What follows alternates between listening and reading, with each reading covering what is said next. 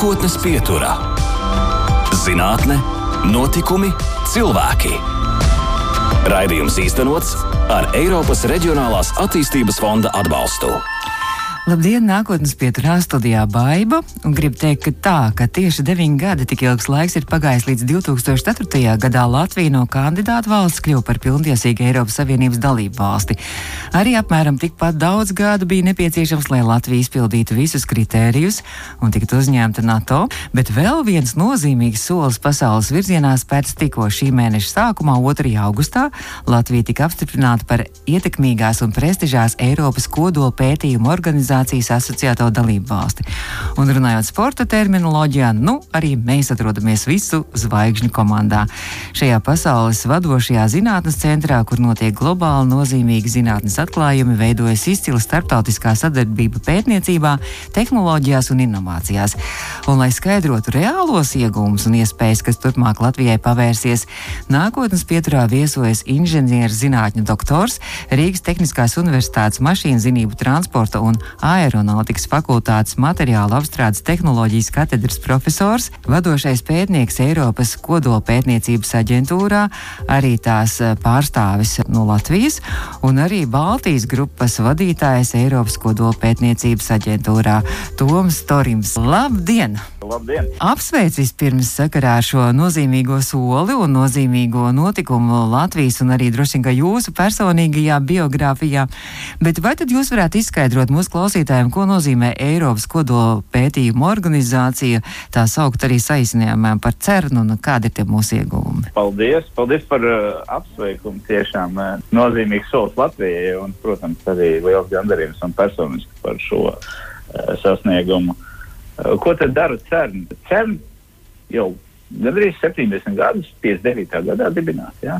Uh, mēs pētām elementāru darījumu. Kas tad ir elementāri darījums? Ja, mēs zinām, ka ir, ir, ir molekulas, tad ir atomi, nu, tad ir atomi ar vēl sastāv no elektroniem, protoniem. Un, un tad šīs tad ir tās, tās mazākās daļiņas, un izrādās, ka elektroni un protoni nav tikai tie vienīgie, bet tur ir vesels klājiens ar dažādām daļiņām, kuras mēs arī pētām, lai saprastu, kā uh, vispār matērija viela darbojas, kā notiek uh, kosmosa izplešanās, kas ir nosīts lielās sprādzienu sākumā, un tā tālāk. Tā ir tā teorētiskā uh, fizika, kas ļauj mums izprast dabu. Uh, lai to visu izdarītu, lai varētu izprast, nomērīt šo, jo fiziķi jau tic tikai tad, kad mēs nomēram, nosveram, pagaršojam. Labi, pagaršot nav objektīvi, ja? bet nosveram vai, vai izmēram uh, kādu vienu vai otru parādību. Tad, lai to izdarītu, ir, ir vajadzīgs šis, um, šis lielais mikroskops, ko mēs saucam par lielo hadronu pātrinātāji. Ja? Jo mazāka daļiņa, jo lielāku mums vajag mērierīci, lai to no, nomērītu.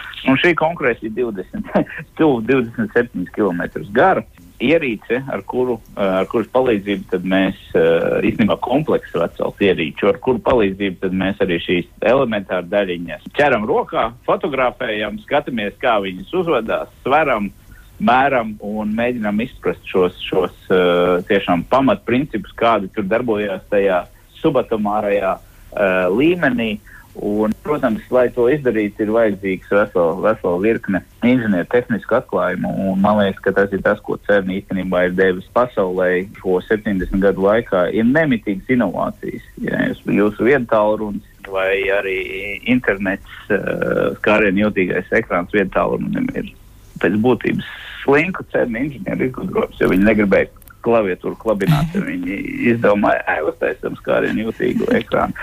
Tādu izgudrojumu ir ārkārtīgi, ārkārtīgi daudz. Mēs varam arī nu, daudz nopietnāk runāt uh, par, piemēram, par uh, pozitoru un emisiju tomogrāfu. Tātad pēc skanera, kurš ir jebkurā nopietnā slimnīcā, tas, ar kuru palīdzību mēs varam diagnosticēt dažādas traumas, saslimšanas un tā tālāk. Principā pēc būtības tā ir šī paša cenu tehnoloģija, kur ir aizgājusi uz, uh, uz medicīnu. Vēl vai jūs varētu paskaidrot, uh, es tā lasīju, un droši vien, ka man līdz galam nav skaidrs, un arī klausītājiem arī nē, ka ar CERN uh, palīdzību, tātad ar lielā hadrona pātrinātāju palīdzību, tika pierādīta arī Higsa bozona eksistence, un es saprotu, ka tas ir kaut kas ļoti, ļoti nozīmīgs un izcils.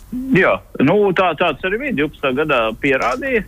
Visiem bija aizdomas, kad, kad tas varētu notikt, bet, nu, kā jau teicu, kamēr nenosver un, un, un nepierāda, tikmēr tās ticības nav. Nu, tas Higgs bozons, nu, tādā vienkāršākā valodā runājot, viņš izskaidro, kāpēc citām daļiņām ir masa, kāpēc viņas uzvedās tā vai citādi. Viņš ir tā kā, nu, ja jūs iedomājaties, ka jūs līmējat, uh, liekat puzli, uh, tad, tad tā ir tā kārta, kas ir apakšā. Tā, tas, tas kartona pamats, kuram jūs liekat tās pusdi daļiņas, kuras arī visādas ir. Ja? Bet jūs to bildi varat uh, salikt kopā tikai jums ir pamats. Un tas Higgs bozons mums ir, vai Higgs lauks būtu pareizāk teikt. Ja? Uh, kas satur visu to kopā, to, to mūsu matēriju. Tāpēc viņš ir tik būtisks fizikiem un mums visiem pārējiem, jo, jo viņš ir tā kā, nu, tā kā pamats tam visam. Ja?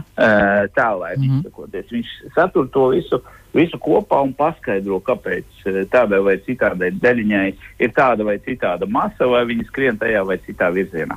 CERNam arī pieder tāds vispārējās pētniecības detektors, kas atrodas arī Francijā, arī pazemē laikam. Jā, tur ir veseli četri lieli detektori un vesels dēķins mazāk tur to detektoru un eksperimentu. Francijas teritorijā tiešām atrodas kompaktais mūns solinājs. Kompakts tāpēc, ka kompaktāk nevarēja uztaisīt, bet principā tā ir 24 tonnas smaga mm, konstrukcija, tā kā no apmēram 5 stāvu bloku māja, cik liela. Jā. Tā, tik kompakts viņš ir. Un tad ir, tad ir vēl atlases eksperiments, ALICE un LHCB eksperiments, kas arī ir, ir detektori, kuri detektē, nu tātad fotografē šīs, šīs daļiņas, darbojas līdzīgi kā jūsu vietālrunis, tikai, ja jūs ar savu vietālruni varat, nu cik jūs sekundē varat vienu vai divus kadrus uztaisīt, tad tur mēs fotogrāfiem 40 miljonus kadru sekundē. Tad ir jautājums, pie kā mēs esam nonākuši, kāpēc Latvijai šis ir tik ļoti, ļoti būtiski, ka mēs tiekam arī uzņemti šajā, šajā organizācijā, Eiropas kodolpētījuma organizācijā un kļuvuši arī par asociēto dalību valsti. Jā, nu tās ir iespējas piedalīties visā šajā pētījuma spektrā. Es tikai ne, nelielu ieskatu sniedzu ja, par to, mm -hmm. kas mhm. tur notiek bet pēc būtības tā ir augstākās raudzes zinātnes laboratorija. Ja? Protams, dalība uh, viena jau tāda, nu tas tā kā, tā kā olimpiādē piedalāmies. Nu, mums jau ir līmenis momentā mūsu zinātniekiem paceļās kaut vai atrodoties uh, klāt tam visam. Un, un ne tikai atrodoties, mēs, protams, arī esam atraduši savu nišu vai nišas, kurās uh, mēs varam sniegt būtisku, būtisku pienesumu. Nu, ko tas nozīmē? Nu, tā, tā tīri praktiski, ja? nu, ko, nu, ko, ko nozīmē dalība. Ja? Um, tātad viena lieta ir šī teorētiskā fizika, protams, kas ir fundamentālā zinātne un kas Latvijai arī ir. Ir, ir, ir, ir vajadzīga un augsta enerģijas fizika kā tāda. Nu, viņa ir, ir maz attīstīta Latvijā. Ja? Tas, protams, ir, ja mēs skatāmies uz visu lielo fizikas uh, klājienu, tad tas ir nu, tāda, tāda arī viens tikai no, no virzieniem bet viņš ir ļoti uz eksperimentiem bāzēts. Tātad, lai šeit kaut kas notiktu, ir vajadzīgi visi šie inženieru tehniskie izgudrojumi. Ja? Tātad vien, viena lieta Latvijai, protams, fundamentālā zinātne un dalība šajā organizācijā, kas arī politisks sasniegums ir, ja? jo visus tur nu, neņem. Ja? Un otrs ir ir šie, šo zinātnē un pieeja šiem, šiem CERN mm, resursiem, kad mēs runājam par fiziku. Otra lieta ir tehnoloģija. Ja mēs runājam par tādu zinātnisku iesaisti, tad jau šobrīd, jau iestājoties, kļūstot par asociētu dalību valsts, mēs jau piedalāmies jau elektronikas jomā, mašīnu būvs jomā, civilās inženierijas jomā, datorzinātnes, protams, medicīna dažādi materiāli pārklājumi, kā arī nu, dažādas nanotehnoloģijas. Un vienmēr sakot, ja mēs paņemam to, ko mēs darām Latvijas zinātnē, nu, tādā pielietojumā, tad gandrīz katram ir ko darīt cernā un e, dot savu pienesumu, un ne tikai dot, bet arī paņemt. Jo šeit jau ir runa par apusēju izdevīgumu, par to, ka mēs dabūjam atpakaļ jaunākās zināšanas, mūsu studenti un zinātnieki un arī industrija eh, mācās pie pasaules top klases cilvēkiem vai uh, arī piedalās teiksim, kaut kādos projektos, kur mēs izstrādājam jaunas, jaunas sistēmas. Un to visu jau atved mājās. Cenā neviens uz mūžu nepaliek, kā aizbraukt uz gadu, diviem un atbrauc atpakaļ. Bet runājot, jūs teicāt arī, kuru katru tur neņēma. Es saprotu, ka Latvijai arī bija zināms pārbaudas laiks, arī jāiztur un kaut kāda kritērija arī bija noteikti, lai, lai šajā statusā nonākt arī. Protams, man ļoti uzrunāja tas, ko jūs teicāt par deviņiem gadiem Eiropas Savienībā, deviņi gadi NATO. Nu, tieši šeit bija mm -hmm. tas mhm. pats - deviņi gadi, deviņi, desmit gadi. Tātad kopš tā brīža, kad mēs sākām nopietni tuvināties, tātad tas bija 2000. 11. gads, 2012. gads, kad mēs uzsākām ļoti nopietnas projekts un, un RTU noslēdz pirmo līgumu, Rīgas Tehnisko universitāti tiešo līgumu ar CERN. Tieši, tieši tāpat tās desmit gadi arī bija. Bija jāizpild trīs kritēriji, lai Latvija kļūtu par uh, asociēto dalību valsti. Viens bija politiskā griba, un politiskā griba nozīmē to, ka uh, ir uh, ne tikai deklaratīvi paziņojumi par to, ka mēs nu, lūk, tagad iestāsimies jā, un būsim dalībvalsts, bet ka tam ir segums valsts politiskajā līmenī un ir zinātnes politika atbilstoši. Tātad finansējums, uh, mehānismi dažādi, uh, lai, lai atbalstītu šo dalību.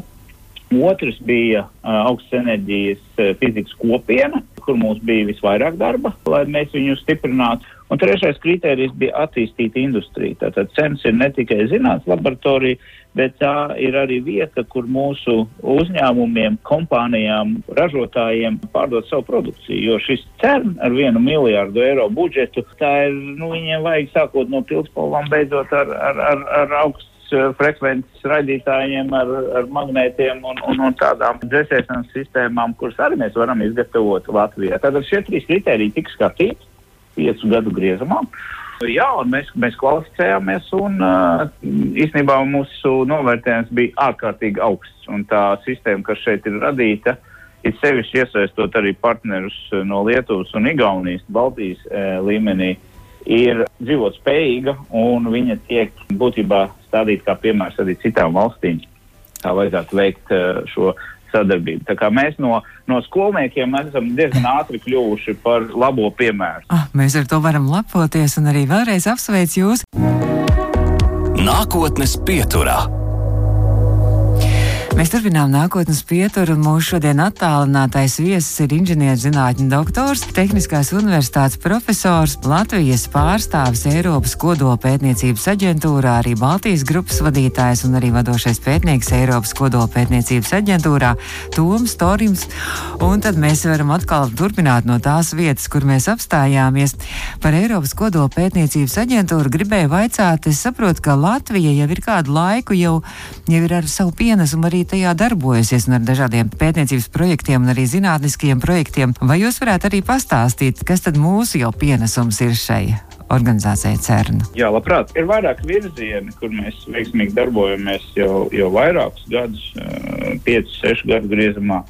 Pirmais, protams, ir, ir šī fizika, fizikas pētījumi, elementāra daļiņa fizikas pētījumi, kur mēs sniedzam savu pienesumu tam kopējam darbam, kas notiek CERNā ar savu ar savām smadzenēm, ar saviem pētniekiem. Ja? Un, un, un, un šajā jomā tie, tie atklājumi ir tik reti un tik lieli, ka, ka mēs vienkārši paši par sevi, protams, Nobeļa prēmijas laureāti nekļūsim. Ja? Bet mēs darbojamies šajā kopējā, kopējā virzienā, kas rada ļoti daudz zinātniskas publikācijas un jaunu doktorantu iesaisti. Tas ir tas, nu, tas, tas fizikas virziens. Un tur ir Tur ir sadarbība ar, ar, ar veselu virkni uh, dažādu pētniecības institūtu, un, un tā ir uh, vairāk teorētiska zinātne nekā nu, teiksim, tāda praktiski pielietojama. Otrs virziens ir inženieru tehnoloģijas, tātad, kur mēs kā, kā mm, valsts, kā zinātnieku grupa, uh, Eh, piedalāmies veselā virknē projektu. Un, uh, viens no tiem ir loģiski saistīts ar pātrināt tehno, pātrinātāju tehnoloģijām. Tātad pātrinātājs tā ir ierīce, kas pātrina kādu no daļiņām ar tādu vai citu tehnoloģiju. Tātad viņa uh, iegriež vai aizšauj to daļiņu uh, tajā virzienā, kur mums vajag. Un šī tehnoloģija pati kā pat, pat par sevi ir ļoti nu, tāda sarežģīta, jo mums ir ļoti liels augstums tur. Jā. Mums lielajā hadrona pātrinātājā ir divi kelvini. Tikpat cik atklātā kosmosā tālākajā galaktikas stūrī. Tad ir liels augstums, milzīgs leduskapis. Vakums ir vajadzīgs, lai šīs daļiņas nesistos pret, pret kaut ko citu, uh, kad mēs viņus iegriežam. Un magnētiskais lauks vajadzīgs, lai šis viss neskriet prusak uz visām pusēm. Es atvainojos, ka drusciņi jūs pārtraucu. Jūs tur strādājot, jums arī ir kaut kāds pēctērps, skafandri vai kā jūs tur uzvedaties paši? mēs, mēs, mēs, eh, mēs tur iekšā nelienam, ka to pātrinātāju ieslēdz, jo tas nav veselīgi. Bet uh, visa apkope notiek tad, kad pātrinātājs ir, ir izslēgts. Loģiski, kad, eh, kad neviens nevar ieiet divos mm. -hmm. kelvinos un bez gaisa, un pie kam vēl magnētiskā lauka ietekmē tā, ka visas kredītkartes tur demagnetizēsies momentā. Tur cilvēki neatrodas, kad, kad šis pātrinātājs tiek, tiek ieslēgts. Bet, protams, ir ļoti liela vērība tiek piegriezt radiācijas aizsardzībai. Personu aizsardzībai, lai kāds tur nenosmok vai, vai nenoģības. un Tad tur ir vesela ļoti droša organizācija. Cenas. Ir ļoti liela vēr, vērtība tiek šim pie, piegriezt, jo nu, cilvēks ir lielākais. E, smadzenes un, un rokas ir lielākā vērtība šeit. Nu, jā, mēs, mēs, mēs piedalāmies šajā, šajā visā darbā. Izstrādājot um, šiem pātrinātājiem, ir lielāki, ir mazāki pātrinātāji, piemēram, arī starošanas iekārta kādā no mūsu hospitāļiem, mm, slimnīcām, kur ārstē vēzi, parasti ir lineārais pātrinātais. Tad viņi var būt arī vienas istabas vai pusistabas izmēra iekārta. Ja. Un uh, visi šie pātrinātāji veidot no ļoti sarežģītām detaļām. Tā kā mēs ar, ar, ar, viens no virzieniem, kurā mēs um, piedalāmies vienu no kritiskākajām, nu, teiksim, no, no tādas no sirds, sirdī šim pātrinātājam ir tāda, tāda iekārta, kuru mēs šobrīd e, izgatavojam. Pirmo prototipu pagājušajā nedēļā, starp citu, uztaisījām e, Vācijā. Izgatavojam ar aditīvo ražošanu. Tātad 3D printēšana. Tātad tīrs, tīra vara materiāls, kuru mēs, neviens to pasaulē vēl nav darījis. Un Latvijas komanda ir pirmā, kas to dara, un tam pielietojums ir ļoti plašs. Un vēl virziens, Piemēram, nu, kur varētu būt tas pielietojums? piemēram vēža ārstēšana, uh Mhm. -huh. medicīna. Ja? Ķīmijterapijā tieši arī, ja? Ķīmijterapija ir viens no uh, vēža ārstēšanas veidiem, bet tikai viens no. Tad ir radiācijas terapija, tātad starošana, ko mēs saprotam, bet ir vēl viens, kurš Latvijā šobrīd vēl nav pazīstams, bet uh, Eiropā un pasaulē ir, ir saucamā hadronterapija kur mēs ar, iedarbojamies uz šīm vēža šūnām ar augstu ionizētām daļiņām, hadroniem. Tātad, un uh, burtiski nogalinam šīs vēža šūnas, nenodarot kaitējumu citām orgāniem ķermeņā, tā, ko, kas notiek, piemēram, pie starošanas. Tā kā tāda ļoti inovatīva jauns veids, šādi ārstniecības centri ir Eiropā, un mēs piedalāmies pie šīs tehnoloģijas uzlabošanas. Ja? Un Tas, tas tā iekārta ir milzīgi liela. Viņas svars ir apmēram 30 tonnas. Tas pacients tur guļ uz, uz, uz, uz kušetes, un tur viss tā iekārta viņam rotē apkārt. Nu, milzīgi, milzīgi smaga, liela iekārta.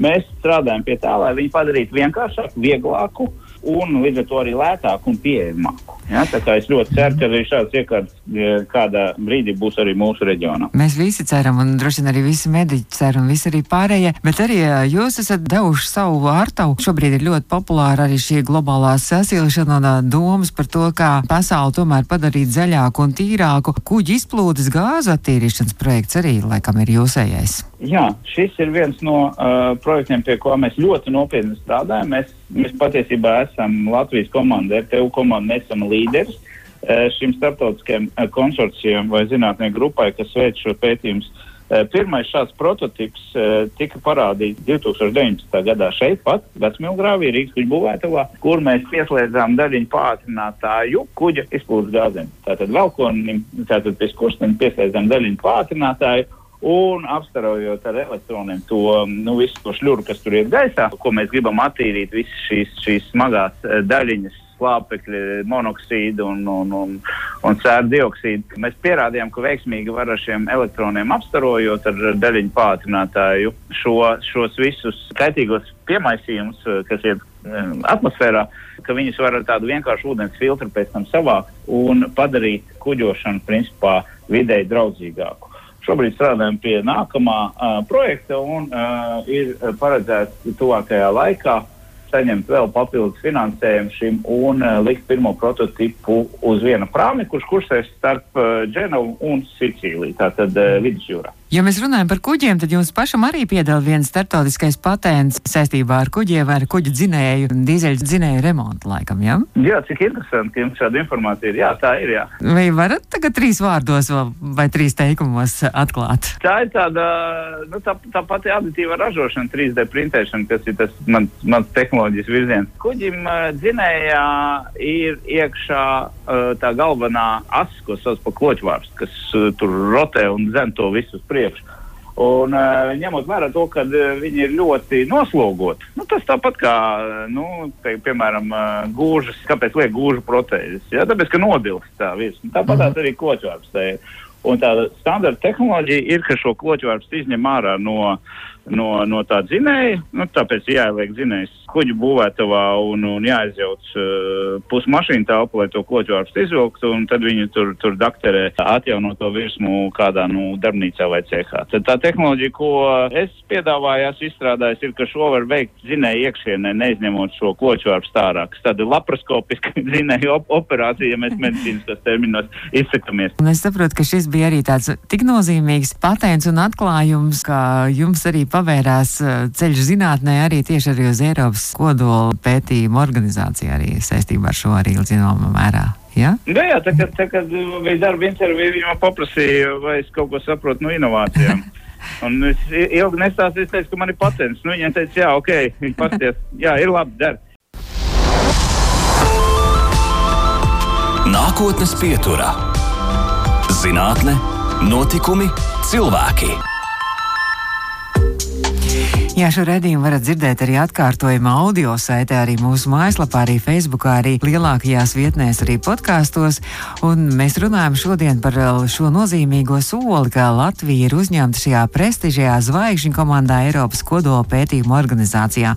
Un tieši mūsu attālinātais viesis šodien nākotnes pieturā ir Eiropas kodola pētniecības aģentūras pārstāvis, Latvijas pārstāvis tajā, un arī Baltijas grupas vadītājs profesors, inženierzinātņu doktors Toms Tors. Rims. Jūs tātad zinātnieks ir tāda mākslinieka dvēsele, bet es kaut kur lasīju vai dzirdēju, vai tā ir taisnība, ka jūs vispār savu karjeras sākumā gribējāt kā automehāniķis arī virzīt. Jā, iestājos Rīgas valsts tehnikumā mašīnu būs tehnoloģijas nodaļā 91. gadā.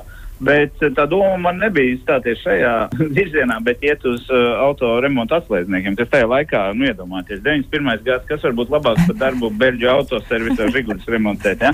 Un tā, tas bija absolūts mērķis. Man gan viņš nesanāca, un tas liktenis man pavērsās tajā virzienā, kur es esmu tagad. Caur Briseli un tālāk jau tad arī Šveicē jums diezgan bieži droši vien iznāk uzturēties arī Eiropas kodola pētniecības organizācijām.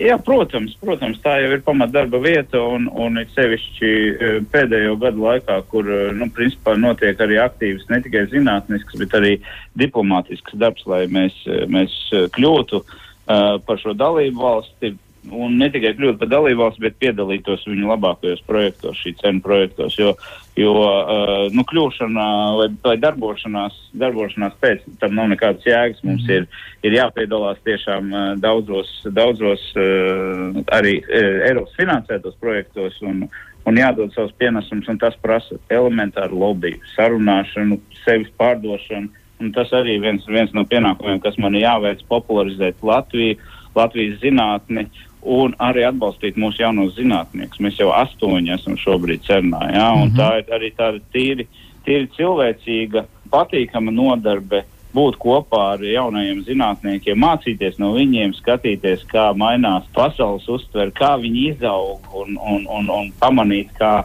kā šī dalība starptautiskā vidē maina, maina mūsu kolēģis kā cilvēkus. Un, uh, pašam jau arī jāmainās. Tur nav variantu, jo, ja gribas studentiem strādāt, ir jābūt nu, labā līmenī. Sevišķi cernā tur ir katru dienu kaut kas jāmācās. Līdz ar to nu, tāda ļoti, ļoti patīkama nodarbe ir arī ir, ir, ir dot citiem iespējas. Un tā, man liekas, tas ir augstākais piepildījums, ko cilvēks var darīt un arī ko es varu darīt. Dot, dot, dot citiem iespējas. Jūs teicāt, ka katru dienu ir jāmācās, un arī šī Covid pandēmija mums pasaulē daudz ko ir mācījuši. Arī Eiropas kodola pētījuma aģentūras CERN arī pētnieki, zinātnieki varbūt pameta uz brīdi savus aktīvos projektus un arī pievērsās šai Covid pētniecībai un deva arī savu ieguldījumu. Jā, tieši tā arī notika. Uh, šis Covid sākās ļoti strauji. Un uh, uz laiku CERN funkcionēja tādā nu, avārijas režīmā, tikai nu, tās, tās, tās tehnoloģiskās lietas tika darītas. Un liels vairums augstu kvalificētu zinātnieku pēkšņi attapās, ka viņi ir mājās un ka viņi ar savām smadzenēm un iespējām varētu palīdzēt šī vīrusa nu, apkarošanā vai saprašanā. Un ļoti ātri šī zinātnes kopiena nodibināja tādu interešu pulciņu vai loku. Nu, es to ļoti vienkāršot izsakos, bet no augst, augstu rangu zinātnieki visās jomās sanācām kopā un mēs sākam domāt, ko mēs varam darīt. Mm -hmm. Un darīt fiksi un tūlīt, nu, kā, nu, lai, lai glābtu cilvēku dzīvības. Un tie virzieni bija vairāki. Pirmais ir smieklīgi, bet tajā laikā bija, nebija, nebija dezinfekcijas līdzekļu apkārt policijai un palīdzībai. Atceramies, protams. Jā. Mēs, pirmais, ko Cenas izdarīja, uztaisīja ļoti daudz uh, dezinfekcijas līdzekļu izdalīja visām, visām apkārtnes pašvaldībām. Bet uzreiz arī pēc tam arī, arī tādā augstākā tehnoloģiskā līmenī skaidrošanas jauda mm -hmm. tika uh, novirzīta šī vīrusa izskaidrošanai, saprast, kā viņš tur mutē un, un kādā veidā tātad strādājam pie vakcīnas izstrādes netiešā veidā, uh, dodot savus resursus. Un vēl viens virziens bija individuāla aizsardzības līdzekļu izveidošana. Visi šie maskas, respiratori, baigā daudzumā viņi bija jātaisa, tos, tos palīdzēja izveidot. Un arī um, elpināšanas aparātu. Jā, sapratām, ka mums ir tehnoloģija šajā CERN kompleksā, kur var izmantot elpināšanas aparātu izgatavošanu, un tur Latvijas komanda tiešā veidā piedalījās. Pie elpināšanas aparātu izveidošanas, nu tādu ir daudz, bet šis ir lēts, vienkārši, ko var izmantot arī tādās vietās un valstīs, kur pat slimnīcā nav, ja mēs nerunājam par skābekli, tur vispār elektrības nav, tātad viņš ir autonoms absolūti. Ja? Un tas ir aizgājis līdz, līdz komercializēšanai šobrīd, tā kā tas ieguldījums tur ir, ir bijis. Un, Un, protams, arī e, neslēpšu, ka mums zinātniekiem arī šis nebija viegls laiks sēdēt mājās un staigāt pa sienām vai pa griestiem e, aiz tā, ka tu netiec ārā. Un, uh, mēs visi jutāmies slikti. Tāpēc šī sadarbība kopā mums deva ļoti lielu garīgu spēku un darīt kaut ko jēdzīgu priekš sabiedrības un parādīt sev un citiem, ka mēs esam derīgi ne tikai abstraktu lietu, augstu fizikas enerģijas pētījumiem, bet ļoti praktiski pielietojumu mm, lietu risināšanai. Paldies, ka jūs šodien viesojāties mūsu nākotnes pieturā arī mūsu klausītājiem, darījāt skaidrāku, ko tad nozīmē šis nozīmīgais Latvijas panākums, ka mēs esam kļuvuši arī par Eiropas kodola pētījumu organizācijas dalību valsti. Tad, nu, redzījumi izskaņā, tā kā redzījums skan brīvdienā, varbūt jūs varētu ieteikt, jums laikam ir atvaļinājums šobrīd, ko jūs varētu ieteikt mūsu klausītājiem, kā, kā savu atpūtu organizēt un ko darīt šajās brīvdienās? Jā, nu galvenais nestrādāt atvaļinājuma laikā. Es smējos. Es domāju, ka aktīva atpūta tas ir tas, kas mums ir vajadzīgs viennozīmīgi. Man ļoti patīk viss, kas ir saistīts ar kustību. Man patīk skriet, man patīk nirt, man patīk braukt ar riteni, man patīk uzkāpt kādā kalnā vai aizpeldēt kaut kur. Man, mana lieta ir, ir noteikti uh, aktīva atpūta uh, kustībā. Un, uh, man liekas, tas ir tas, kas mums ir absolūti pieņemams šobrīd un pieejams. Mums ir tik skaista daba šeit Latvijā un, un tās iespējas ir, ir milzīgas. Es, es aicinātu kustēties. Es saku paldies jums, paldies, ka jūs stundu pavadījāt kopā ar mums īstenībā pārāk nekustoties uz vietas. Un izskan nākotnes pietura. Mūsu attālinātais viesis šodien ir profesors Rīgas Tehniskās universitātes profesors, arī Latvijas pārstāvs Eiropas kodolpētniecības aģentūrā, arī vadošais pētnieks un arī Baltijas grupas vadītājs Toms Torims. Paldies jums un tad, lai skaisti atlikusī vasara un lai skaisti mērķi un arī kas tiek piepildīti. Paldies! Paldies jums! Izskan nākotnes pieturā. Raidījums īstenots ar Eiropas Reģionālās attīstības fonda atbalstu.